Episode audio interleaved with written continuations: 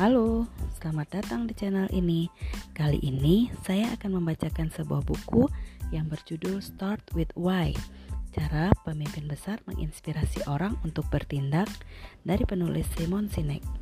Buku ini pertama kali dipublikasikan pada tahun 2009 di Amerika dan yang akan saya bacakan adalah cetakan ketiga pada September 2019 yang merupakan terjemahan dari Susi Purwoko yang diterbitkan oleh Gramedia Pustaka Utama. Baik, saya akan membacakan buku ini dari halaman paling awal. Selamat mendengarkan.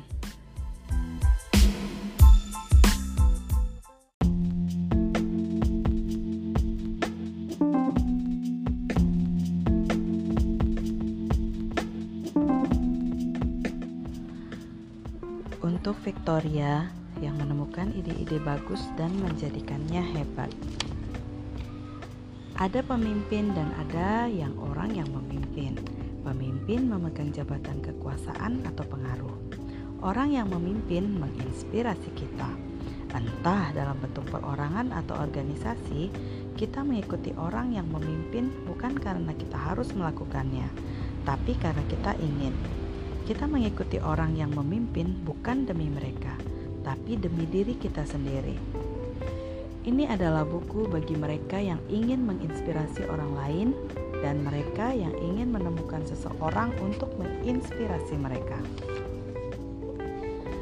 Daftar isi Pendahuluan Mengapa mulai dengan mengapa? Bagian 1 Dunia yang tidak dimulai dengan pertanyaan mengapa satu, berasumsi bahwa kita tahu.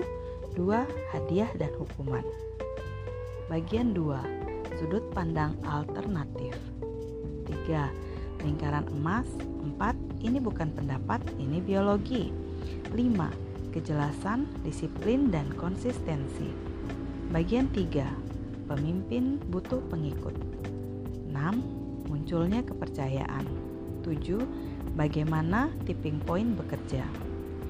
Bagian 4. Cara menggalang orang-orang yang percaya. 8. Mulai dengan mengapa, tetapi ketahui bagaimana caranya. 9. Tahu mengapa, tahu bagaimana, lalu apa. 10. Komunikasi bukanlah soal bicara, tapi soal mendengarkan. Bagian 5. Tantangan terbesar adalah sukses. 11 ketika mengapa menjadi kabur. 12. Keterpisahan memang terjadi. Bagian 6. Menemukan mengapa. 13. Asal mula mengapa. 14. Persaingan baru. Ucapan terima kasih, catatan tentang penulis. Pendahuluan. Mengapa mulai dengan mengapa?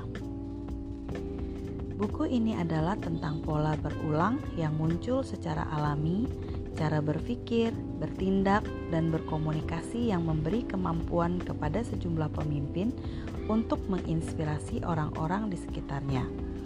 Walaupun para pemimpin alami ini mungkin datang ke dunia dengan membawa kecenderungan untuk menginspirasi, kemampuan ini bukan hanya dicadangkan khusus untuk mereka kita semua bisa mempelajari pola ini. Dengan sedikit disiplin, setiap pemimpin atau organisasi dapat menginspirasi orang lain yang berada di dalam dan di luar organisasinya, membantu mereka memajukan gagasan serta visi mereka. Kita semua bisa belajar untuk memimpin. Tujuan buku ini bukanlah sekedar memperbaiki hal-hal yang tidak berjalan dengan baik, saya menulis buku ini sebagai tuntunan untuk berfokus pada hal-hal yang berhasil dan memperbesarnya. Saya tidak berniat mengerdilkan jalan keluar yang telah ditawarkan oleh orang lain. Jika didasarkan pada buku yang meyakinkan, sebagian besar jawaban yang kita dapatkan sebenarnya sah-sah saja. Namun, jika kita mulai dengan pertanyaan yang keliru, jika kita tidak mengerti sebabnya, jawaban yang benar sekalipun pada akhirnya akan selalu keliru mengarahkan kita. Anda tahu, pada akhirnya kebenaran akan terungkap. Kisah-kisah berikut adalah tentang orang, dan organisasi yang telah merangkul pola ini secara alami. Merekalah yang memulai dengan pertanyaan mengapa. 1. Tujuannya ambisius, minat publik sangatlah tinggi. Para pakar bersemangat untuk terlibat. Uang sudah tersedia. Bersenjatakan semua bahan baku kesuksesan, pada awal 1900-an, Samuel Pierpont Langley memulai untuk menjadi orang pertama yang menerbangkan pesawat udara. Dia adalah pejabat senior yang sangat dihormati di Smithsonian Institution, seorang profesor matematika yang juga bekerja di Harvard. Teman-temannya termasuk beberapa orang yang paling berkuasa di pemerintahan dan bisnis, termasuk Andrew Carnegie dan Alexander Graham Bell. Langley menerima hibah 50.000 dolar AS dari Departemen Perang AS untuk mendanai proyeknya, jumlah yang sangat besar untuk saat itu. Dia mengumpulkan orang-orang yang paling cerdas pada eranya, tim impian sejati dari berbagai bakat dan pengetahuan praktis. Langley dan timnya menggunakan bahan-bahan terbaik dan wartawan mengikutinya ke mana-mana. Orang di seluruh dunia takjub pada kisahnya, menanti-nantikan berita bahwa dia telah mencapai tujuannya. Bersama tim yang telah dia kumpulkan serta sumber daya yang melimpah, kesuksesan terjamin dalam genggamannya. Benarkah begitu? Beberapa mil jauhnya dari Langley, Wilbur dan Orville Wright sedang mengerjakan mesin terbang mereka. Passion mereka untuk terbang begitu kental sehingga menginspirasi semangat dan komitmen suatu kelompok kecil yang begitu berdedikasi di kota kelahiran mereka, Dayton, Ohio. Tidak ada pendanaan untuk upaya mereka. Tidak ada hibah dana dari pemerintah tidak ada koneksi tingkat tinggi. Tak satupun anggota tim mereka memiliki ijazah tingkat lanjut atau bahkan pendidikan sekolah tinggi, termasuk termasuk Wilbur dan Orville. Namun, tim itu bersatu di sebuah bengkel sepeda sederhana dan mewujudkan visi mereka. Pada 17 Desember 1903, sekelompok kecil orang menyaksikan seorang pria terbang untuk pertama kalinya dalam sejarah. Bagaimana Wright bersaudara bisa sukses sementara tim yang memiliki sumber daya lengkap, dana berlimpah dan tim berpendidikan tinggi tidak sukses? Ini bukan tentang keberuntungan. Wright bersaudara dan Langley bermotivasi tinggi. Keduanya memiliki etika kerja yang kuat. Keduanya memiliki otak ilmiah yang hebat. Mereka mengejar tujuan yang sama, tapi hanya Wright bersaudara yang mampu menginspirasi orang-orang di sekitar mereka dan benar-benar memimpin tim untuk mengembangkan teknologi yang akan mengubah dunia. Hanya Wright bersaudara yang memulai dengan pertanyaan mengapa. 2. Pada 1965, para mahasiswa di kampus University of California Berkeley menjadi kelompok pertama yang membakar kartu rekrutmen wajib militer mereka di depan umum untuk menolak keterlibatan Amerika dalam Perang Vietnam. California Utara adalah wilayah yang sangat anti pemerintah dan anti kemapanan. Liputan tentang benturan dan kekacauan di Berkeley dan Oakland tersiar ke seluruh dunia, membangkitkan gerakan-gerakan simpatik di seluruh Amerika Serikat dan Eropa. Namun baru pada 1976, hampir tiga tahun setelah berakhirnya keterlibatan militer Amerika di konflik Vietnam, revolusi berbeda itu terpicu. Mereka bertujuan menciptakan dampak, dampak yang sangat besar, bahkan menantang cara pandang orang-orang terhadap cara kerja dunia. Namun, para pejuang belia ini tidak melempar batu atau berdemo melawan rezim yang otoriter mereka memutuskan untuk mengalahkan sistem di dalam permainan mereka sendiri. Bagi Steve Wozniak dan Steve Jobs, para pendiri Apple Computer, medan perang mereka adalah bisnis, sedangkan senjata pilihan mereka adalah komputer pribadi. Revolusi print komputer pribadi sedang mulai bergolak ketika Wozniak membangun Apple pertama. Teknologi yang baru mulai mendapat perhatian ini awalnya hanya dianggap sebagai alat bisnis. Komputer terlalu rumit dan harganya di luar jangkauan orang biasa. Namun Wozniak, orang yang tidak dimotivasi oleh uang, membayangkan tujuan yang lebih mulia bagi teknologi ini. Dia memandang komputer pribadi sebagai cara bagi orang kecil untuk menjalankan korporasi jika dia bisa menemukan cara untuk mendatangkan komputer ke tangan perorangan, pikirnya komputer akan memberi siapa pun kemampuan untuk melakukan fungsi-fungsi yang sama seperti perusahaan yang memiliki sumber daya yang luas. Komputer pribadi akan menaikkan tingkat permainan dan mengubah cara kerja dunia. Woz merancang Apple pertama dan meningkatkan teknologi dengan Apple kedua agar lebih terjangkau dan sederhana untuk digunakan. Terlepas dari seberapa visioner atau cemerlangnya suatu gagasan atau produk yang hebat, tidak akan ada gunanya jika tidak ada orang yang membelinya. Sahabat Wozniak di zaman itu, Steve Jobs, yang berusia 21 tahun, tahu pasti apa yang harus mereka lakukan. Meski memiliki pengalaman menjual kelebihan onderdil elektronik, Jobs membuktikan dirinya lebih besar dari sekedar penjual yang baik. Dia ingin melakukan sesuatu yang bermakna bagi dunia, dan dia akan melakukannya dengan membangun perusahaan. Apple adalah alat yang dia gunakan untuk memicu revolusinya. Dalam tahun pertama bisnisnya, dengan hanya satu produk, Apple menghasilkan 1 juta dolar. Pada tahun kedua, penjualan mereka mencapai 10 juta dolar pada tahun keempat, mereka menjual komputer dengan nilai 100 juta dolar dan hanya dalam enam tahun, Apple Computer adalah perusahaan bernilai miliaran dolar dengan lebih dari 3.000 pegawai. Jobs dan Woz bukanlah satu-satunya orang yang berperan serta dalam revolusi komputer pribadi. Mereka bukan satu-satunya orang pintar dalam bisnis itu. Malah sebenarnya mereka sama sekali tidak tahu banyak tentang bisnis. Yang menjadikan Apple istimewa bukanlah kemampuan mereka membangun perusahaan yang tumbuh dengan cepat, tapi kemampuan mereka berpikir secara berbeda tentang komputer pribadi. Yang menjadikan Apple istimewa adalah mereka mampu mengulang pola terus-menerus. Tak seperti para pesaing, Apple sukses menantang cara pikir konvensional dalam industri komputer industri peralatan elektronik kecil, industri musik, industri telepon seluler, dan industri hiburan yang lebih luas. Dan alasannya sederhana. Apple menginspirasi. Apple mulai dengan pertanyaan mengapa.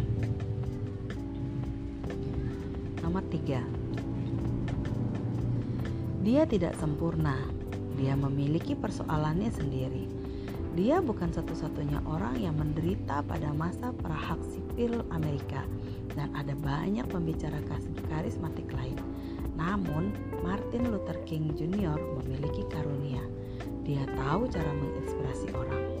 Dr. King tahu bahwa jika ingin menggerakkan hak-hak sipil sukses, jika mereka menginginkan perubahan yang nyata dan langgeng, diperlukan lebih dari sekedar dirinya dan sekutu terdekatnya Diperlukan lebih dari sekedar kata-kata yang menggugah serta pidato yang hebat.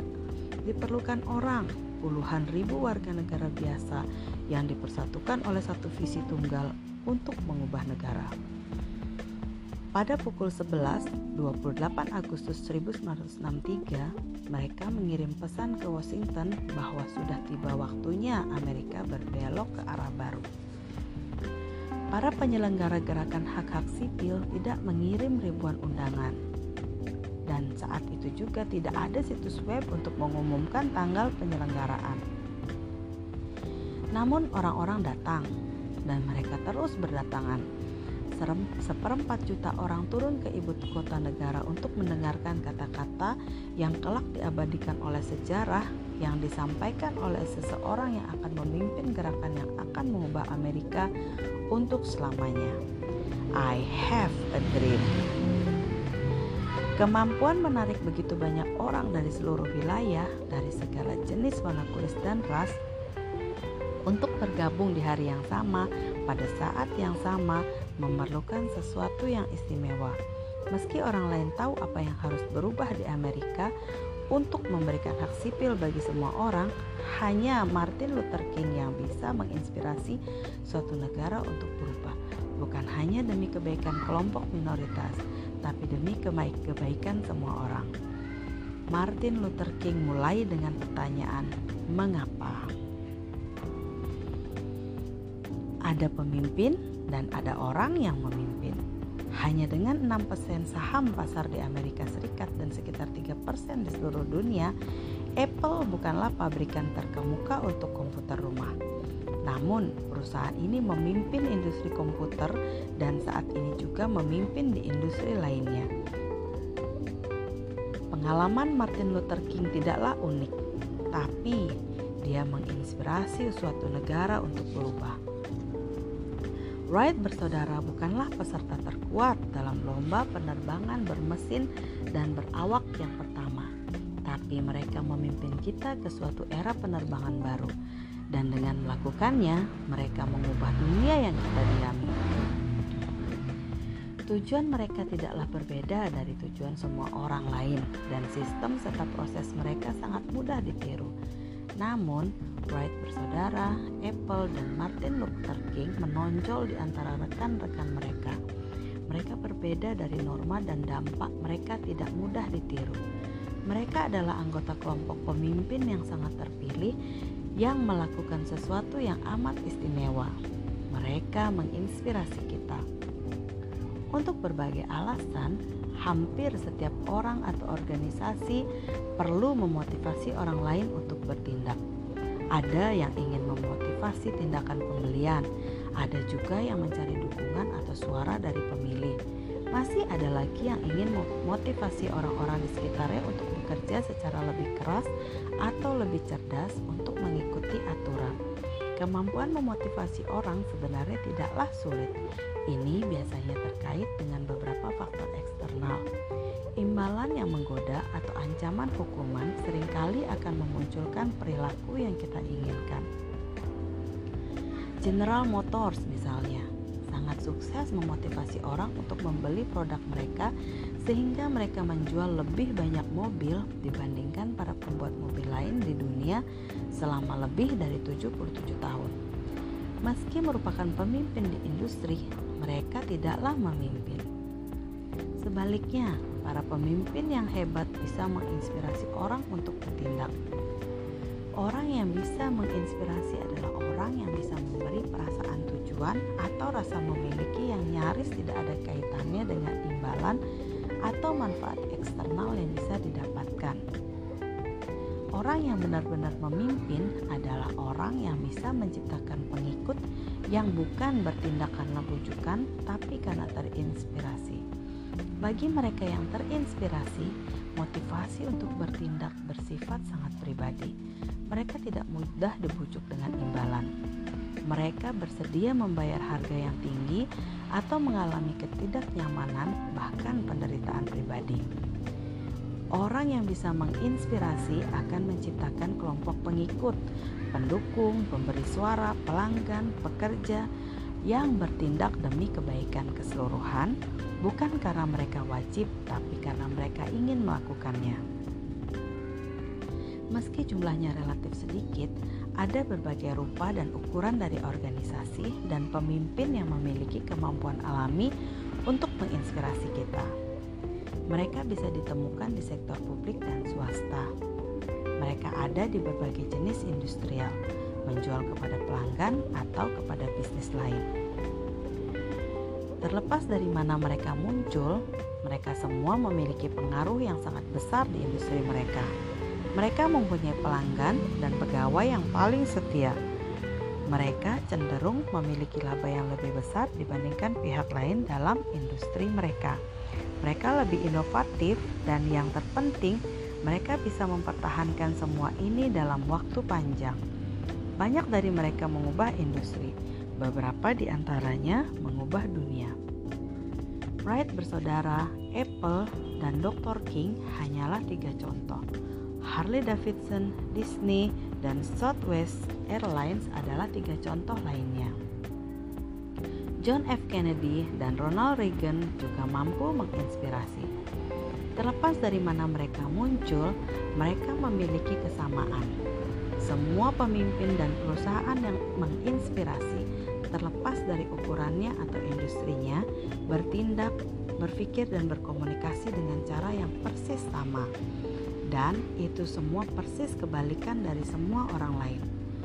Bagaimana jika kita semua bisa belajar berpikir, bertindak, dan berkomunikasi seperti orang-orang yang menginspirasi itu? Saya membayangkan dunia tempat kemampuan menginspirasi dipraktikkan oleh sebagian besar orang, bukan hanya beberapa orang terpilih.